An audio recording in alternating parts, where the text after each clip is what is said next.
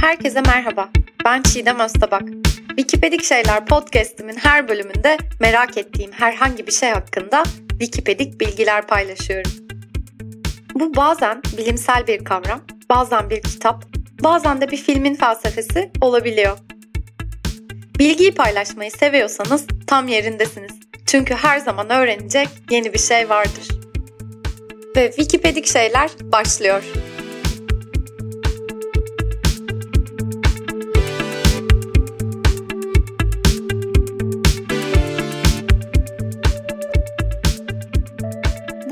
Önceki bölümde Sokrates'in hayatına ve kendine edindiği amaca değinmiştim. Ee, aslında hem Sokrates'in karakterinden bahsetmiştim hem de felsefeyi günlük yaşama indirme becerisinden e, bahsetmiştim. Kısa bir özet geçerek giriş yaparsak aslında bu e, Sokrates serisinin ikinci ve son bölümüne e, Sokrates antik dönemde Atina'da yaşıyor. Onunla ilgili tüm bildiklerimizi aslında öğrencisi Platon'un Sokrates ile Diyaloglar eserinden biliyoruz. Sokrates'in savunması eserinden. E, Sokrates'in kendi yaşamı boyunca yazdığı hiçbir kitap yok. Kitaplarla da arası çok iyi değil çünkü o edilgen e, bir bilgilendirme yerine yüz yüze diyaloglardan yana ve insanlarla genelde onlara bilgiyi de paylaşmak ve düşünmeye sevk etmek açısından yüz yüze gelmeyi tercih ediyor kendisi. O yüzden de kitabı yok. Kendisiyle ilgili en ilginç şeylerden, söylemlerden, tanıtıcı söylemlerden bir tanesi ayakkabıcıları sinir etmek için dünyaya geldiğini söylüyorlar. Çünkü çıplak ayakla geziyormuş. Kirli peleriniyle Agora meydanında önemli insanların ve gençlerin özellikle karşısında durup hayatın onlar için ne anlama geldiği gibi ya da cesur olmanın ne demek olduğunu sorup insanları sinir ediyormuş. Çünkü insanların aslında bu tür şeyleri düşünmeye vakit ayıracak belki vakitleri yok ya da vakit ayırmak da istemiyorlar. Yani günümüzde de aslında e, bunu birleştirebiliriz bu durumumuzla ilgili. Çok fazla düşünmeye ve kendimizle ilgili özellikle düşünmeye zaman ayırmıyoruz. O buna dikkat çekmeyi amaçlıyordu ve eğer buna zaman ayırırsak gerçekten e, mantıksal düşünmenin yolunu açacağını, açacağımızı e, düşünüyordu.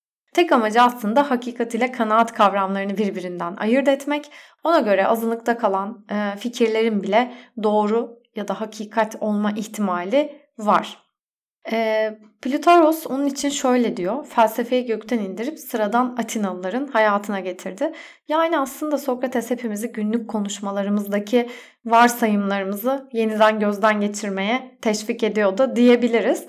Ee, ben de bu iki bu bölümlük Sokrates serisinde hem Alain de Botton'un güzel kitabı Felsefenin Tesellisinden faydalanarak e, Sokrates'ten felsefeye ve insanlığa katkılarından bahsetmek istedim. Felsefenin Tesellisi kitabında sadece Sokrates değil aslında e, birçok filozof ve birçok kavramla ilgili e, kafamıza taktığımız yani hani günlük hayatta hepimizin kafasına taktığı işte doğrulukla, doğru söylemekle, belki zengin olmakla, belki cesur olmakla, e, vicdanla ilgili birçok aslında kavramsal konuya ışık tutan ve Alain de Botton'un da kendi yorumlarıyla kattığı bilgileri de harmanladığı çok güzel bir kitap. Kesinlikle tavsiye ediyorum okumayanlar için. Sokrates'e dönersek hem e, Sokrates ve felsefeye Sokrates'in hem felsefe hem insanlığa katkılarından bahsediyorum demiştim. E, benimki tabii ki bir amatör felsefe sever biri olarak kendi merakımı gidermeye çalışırken anladığım, anlamlandırabildiğim şeyleri sizle paylaşmak ee, ve o yüzden de e, uzman kendi alanında uzman insanların kaynaklarından yararlanıyorum. Böylelikle e, daha e, aslında hani daha önce e, doğruluğu belki bilinen bazı bilgilerle size bunları sunmuş oluyorum. Ee, aslında Alain de Botton'un hani bu kitabından yararlanırken yani felsefenin tesellisinden yararlanırken o da aynı şeyi yapıyor ve bunu çok güzel yapıyor. Herhangi bir konuyla ilgili bir bilgi edindiğinde e, bir gerçek bir olay gördüğünde o olayı yorumluyor. Ben de burada aslında gerçekten Sokrates'in hayatını yeniden yeniden okurken şöyle düşündüm. Bilmiyorum siz de öyle düşünür müsünüz? Aslında hayatın her alanında yani hala yüzyıllar öncesinden Sokrates diye bir adamın ekmeğini yiyoruz. E, hatta kendisinin yaşamadığını iddia edip Platon'un bir karakteri yarattığı bir karakter olduğunu söyleyenler de var. E, fakat öyle bile olsa e, hala dediğim gibi Sokrates'in ekmeği yeniliyor. Yani filmler, diziler, ressamlar, e, filozoflar. Çünkü e, felsefe tarihi bile Sokrates öncesi ve Sokrates sonrası filozofları diye ayrılıyor. Kişisel gelişimciler ve birçoğumuz yani hani günlük yaşamında da ilham alan insanlar olarak e, aslında Sokrates'in Atina'daki sorgulamalarının izini sürüyoruz hala ve yansıtıyoruz bunu. Yani hala onun ekmeğini yiyoruz. Günümüzde yaşasaydı onun sonu aynı mı olurdu diye sormadan edemiyorum gerçekten. Çünkü çok ciddi bir şekilde aslında e, moral bir reform gerçekleştirmeye çalışıyor kendisi. İnsanların düşüncelerini ortaya çıkartmaya çalışıyor. Bir düşünceyi empoze etmek yerine insanların soru sormasına neden olmaya çalışan bir filozof diyebiliriz aslında. Zaten kendisini de ebe olarak tanımlıyor. Yani bildiğimiz ebe. Yani çocukları doğurtan nasıl ebelerse ben de insanların kafalarındaki düşünceleri doğurtmalarına ve Atinalıların bu gerçekleri mantıksal bir yola ulaşmasına yardımcı oluyorum diyor. Ee, ee, hani böyle bir kısa bir giriş yaptıktan sonra şimdi artık bu bölümde Sokrates'in ünlü savunmasına ve idam sürecine giriyorum ve onlardan bahsediyorum. Yine felsefenin tesellisi e, ışığında e, diye de eklemek istiyorum. Alain de Botton'un burada verdiği bilgiler çok hani değerli. Bazen kendi yaptığı yorumları da sizlerle paylaşacağım. Aslında e, biraz önce söylediğim gibi Sokrates'le bildiklerimizin e, çoğunu Platon'dan öğreniyoruz. Platon ile tabii aralarında tam olarak nasıl bir ilişki olduğu bilinmiyor. O da bilinmiyor ama kendisinden küçük ve öğrencisi oldu. Aslında kendisini öğretmen olarak da tanımlamıyor Sokrates. Yani e, dolayısıyla insanlarla sadece karşılıklı sohbet ederek böyle farklı bir e, tarzı var diyebiliriz. Gelmiş geçmiş en e, yaşamış en farklı insanlardan bir tanesi. Tabii Platon Sokrates'in milattan önce 399'da e, Atina'daki davasında savunmasını izleyen e, şanslı kişilerden biri. Zaten oradaki savunmalarından ve fikirlerinden de çok etkilenerek bunu geleceğe taşımak için de böyle bir kitap yazıyor. Evet işte e, aslında hepimizin bildiği gibi Sokrates ölüme mahkum ediliyor Atinalılar tarafından ve baldıran zehrini içmeye zorluyorlar. Burada hemen e, tabii bir parantez açabilirim. Baldıran zehri ne demek diye. E, Sokrates'in boğazından geçen son şey e, baldıran zehri Wikipedia'ya göre maydanoz giller familyasından geliyor ve nemli yerlerde yetişen bazı zehirli bitkileri birleştirerek elde ediliyor. Tabi zehrin etkisi de şu sinir sistemini felç ediyor. Yani solunumuzu da durduruyor ve sessiz ve acısız bir şekilde öldürüyormuş. Tabi o dönemlerde suyu, suikastlar için de kullanılıyor. Yani susturuculu silahlar e, olmayınca onların yerine de kullanılıyor. İlginç olan Atina'ya da e, Anadolu'dan geldiği söyleniyor ve e, jüri üyeleri aralarında para biriktirerek alıyorlar baldıran zehrini. Yani e, saçma ve e, komik bir rivayet var ama hani okuduğum için söylemeden geçemiyorum bunu. E, evet bu parantezi de verdikten sonra davaya geri dönersek e, Sokrates'in niye yargılandığına ufak ufak girebiliriz. Evet Sokrates niye yargılandı? Şimdi e, tabii Sokrates'in e, yargılanmasını betimleyen birçok iyi resim var. Yani 18. ve 19. yüzyıllarda özellikle Sokrates'in e, savunmasını ve Sokrates'in ölümünü anlatan çok güzel eserler, resimler var. Felsefenin Tesellisi kitabında da bu resimlerden bazıları gösteriliyor. Fakat tabii kitap e, siyah beyaz basım olduğu için e, resimleri gerçek e, yüzleriyle çok görmeyebilirsiniz. Bunun için internette çok fazla e, görsel var. Buralardan bakabilirsiniz. Bunlardan en ünlüsü Jacques-Louis David'in New York Metropolitan'da e, sergilenen Sokrates'in e, savunması adlı resmi e, işaret parmağı havadadır Sokrates'in orada. E, çok ünlü bir resim. E, burada yargılanma sürecinden bahsediyor ve çok, çok çokça ilham alıyor sanatçılar Sokrates'in yargılanmasından. E, şimdi hikayeye gelirsek şöyle başlıyor aslında. Sokrates'i şimdi 3 Atinalı, Atinalı genç şikayet ediyor. Gerekçeleri de aslında Atinalıları yozlaştırdığı ve ölüme mahkum edilmesini söylüyorlar. Tabii arkasında nasıl bir e, kulis var şu an tam olarak bilememekle beraber ben gayet kibarca bunu anlatan Alain de Botton'un izinden giderek bunu aktarıyorum size. E, Birçok hikaye var ama ben e, hani okuduklarım arasında e, güvenilir bir kaynak olarak da e, benimsediğim için kendisini, kendisi de filozof zaten. O yüzden e, onun ağzından aktarmak bana çok daha mantıklı geldi. Eminim farklı hikayeleri olan, duyan da vardır dinleyenler arasında diye düşünüyorum. E, üç Atinalı, Atinalı gencin, Atinalı da diyemedim bir türlü. Atinalı gencin e, şikayetiyle mahkemeye çağrılıyor Sokrates ve e, tabii o zaman için hani kendisi şimdi düşününce buradan hani hem garip görünüşlü hem kozmopolit olmamış bir yapıda henüz sokaktaki insanlara büyük büyük sorular soruyor. Yani ayrı kotu gibi bir şey yani adeta. İnsanlar tabii rahatsız oluyorlar bu sorulardan. Özellikle bazı gençler e, onun sorgulama metodunu e, taklit ediyorlarmış. Eve gidip annelerine babalarına şöyle soruyorlarmış. Düşünsenize böyle sorular sorduğunuz anne babanıza. Deneyelim isterseniz yani. işte hani ne yapıyorsun? Neden böyle yaşıyorsun? İşte hani bu senin için neden önemli değil ya da neden önemli gibi. Hani insanı böyle sinir eden e, sorular soruyorlarmış. Sokrates'in tabii gençleri tehlikeli biçimde etkilediği ve zehirlendiği düşünülüyor bu dönemde.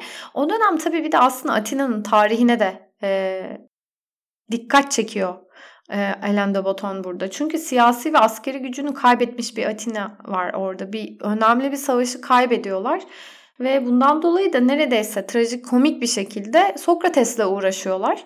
Yani bu da herhalde e, siyasi hamlelerden, e, yöneticilerin yaptığı hamlelerden biri olsa gerek. Yani Sokrates'in başı yanıyor gibi bir şey yani aslında trajikomik bir şekilde. Tarihte ama böyle çok fazla hani e, kim vurduya tabiri caizse giden e, önemli ve değerli insan var.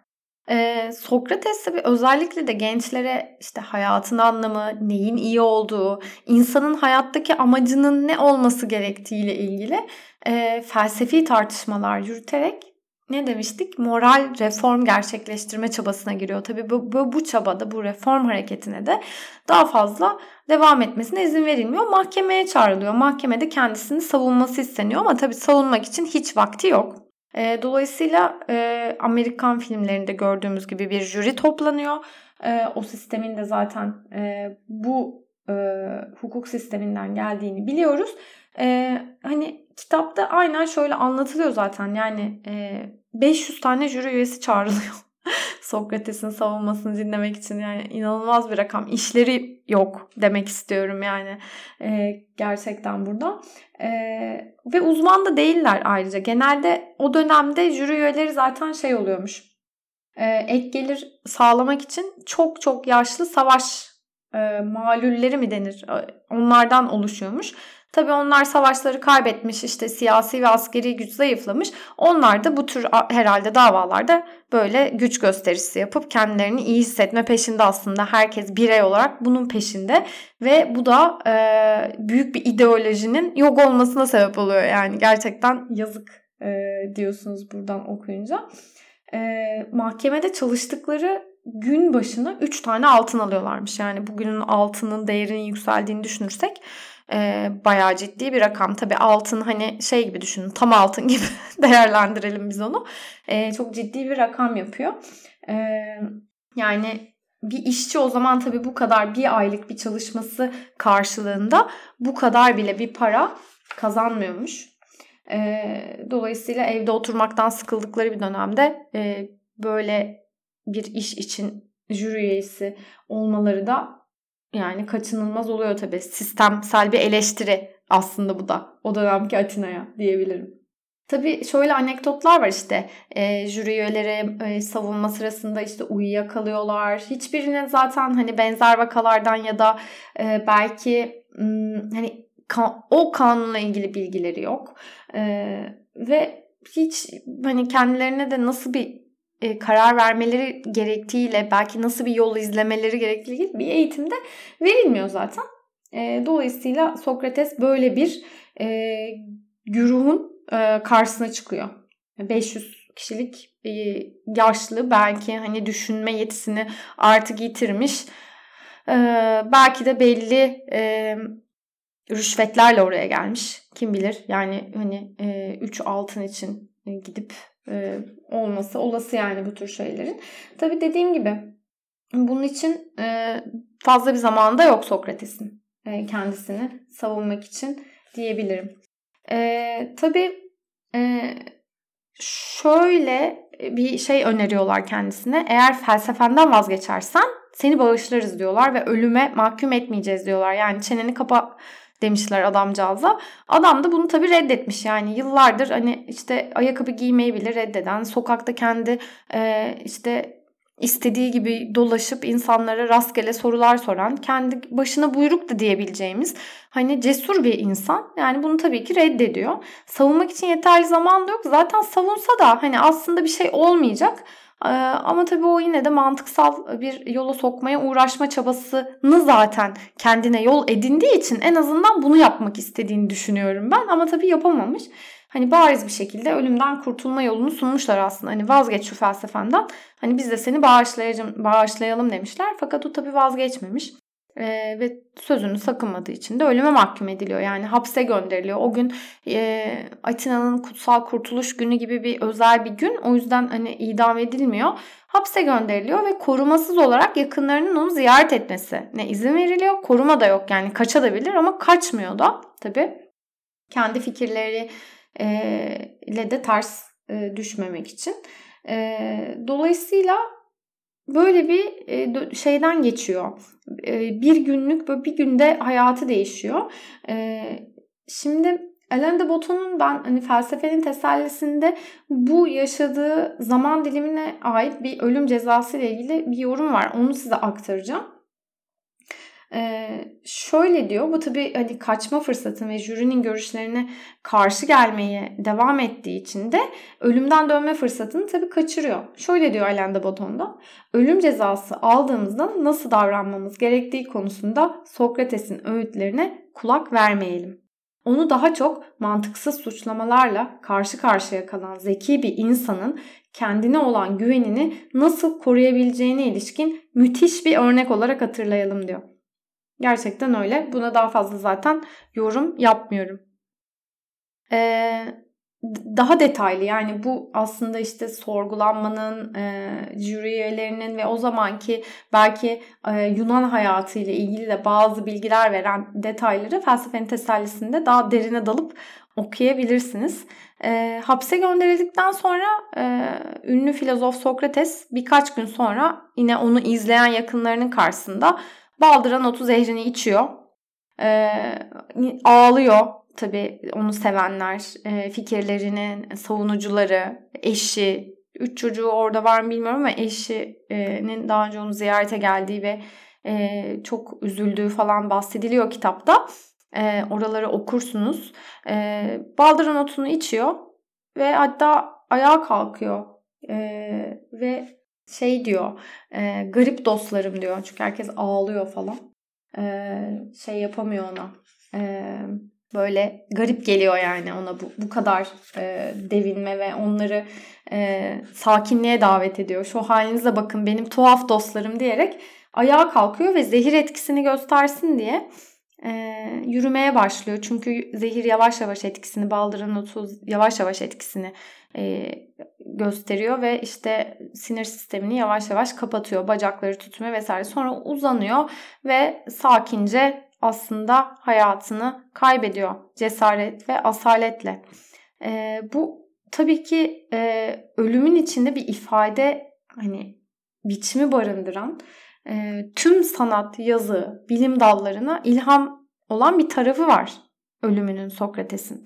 Hani ressamlara, filozoflara, işte dediğim gibi film, dizi senaryolarına en son Dark'ta da gördük Sokrates'ten bazı e, bilgiler. En çok hissettiğimiz bence Matrix'ti. Matrix'te çok fazla Sokrates'e e, gönderme vardı. Özellikle Delphi Tapınağı'nın kapısında yazan kendini bil e, göndermesi. Hatta üniversitelere bile yani çok ünlü üniversitelerin Amerika'da özellikle e, bazı mottoları da Sokrates'ten e, ilham alınarak sunuluyor öğrencilere. Dediğim gibi 18. ve 19. yüzyıllarda özellikle resim dalında Sokrates'in ölümü yüzyıllarca, yüzlerce özür dilerim, yüzlerce kez resmediliyor. Elena de Botton da ee, şöyle diyor aslında her saygın ressam Sokrates'in ölümüne eğildi diyor. Yani çünkü bunu aktarması gerekiyor nesillere. Ee, aktarılması gerektiğini düşünüyor, düşünülüyor.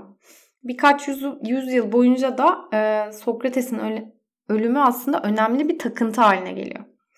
Peki o öldükten sonra onu şikayet eden gençler vardı hatırlıyorsanız. Biraz sona gelirsek e, ondan bahsedelim ve hani Atina'nın sonradan Sokrates'i idam ettiği için ne düşündüğüne bakalım.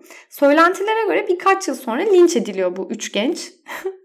Atina'dan sürülüyorlar ve bazı kaynaklarda işte sürüldükten sonra intihar ettikleri de söyleniyor ama tam olarak bilinmiyor. Yani sonuç olarak Atina e, Sokrates'e büyük bir hata yaptığının farkına varıyor. Aslında bu moral reformunun, e, moral reform çabasının Sokrates'in insanları düşünmeye sevk etmesi, sormaya sevk etmesi ve hani sadece belki e, bir, insanın, bir kişinin düşündüğü, bir düşüncenin doğruluğu ve herkesin ona inanmasıyla ya da herkes onu reddetmesiyle değil, e, bir düşüncenin mantık kurallarına uygun olup olmadığıyla belirlendiğini anlatmaya çalışmasına saygı duyuyorlar belki de bilmiyorum. Bu tabii çok optimist bir yaklaşım. Büyük bir hata yaptığının farkına varıyor Atina falan. Bilemiyorum yani ben zannetmiyorum ki hani ölüm kararını alanlar hani ay biz hata yaptık şimdi de e, heykelin dikelim Atina meydanına falan desinler. Yönetim değişmiştir ya da hani bilemiyorum belki onun gibi düşünenler daha da güçlendiler ve onun intikamını almak adına böyle bir harekette bulundular vesaire. E, oralar öyledir diye düşünüyorum. Hani bunun aksi daha önce tarihte ben duymadım, görmedim yani. E, bilemiyorum. O yüzden e, hani Sokrates'in e, belki de kendi söylediği bir söz ile test edilmesi var bu hikayede. Şöyle bir şey söylüyor çünkü. Sorgulanmamış bir hayat yaşanmaya değer değildir. Bu cümleyle bitiriyorum. Sokrates'in karakterine bir önceki bölümde değindik. Belki biraz fikirlerini, fikirlerinin nasıl savunduğuna, Sokrates'in e, savunması ve e, hayatını kaybetmesine kadar giden idam hikayesinde bu bölümde anlattım. Umarım keyif almışsınızdır. Felsefe ile ilgili daha çok bölüm kaydetmek istiyorum ya da e, başka filozoflarla ilgili. Marcus Aurelius bunlardan bir tanesi. Onların e, onun düşünceleriyle ilgili paylaşmak istediğim şeyler de var. Bir sonraki Wikipedik Şeyler podcast'inde görüşmek üzere. Hoşçakalın.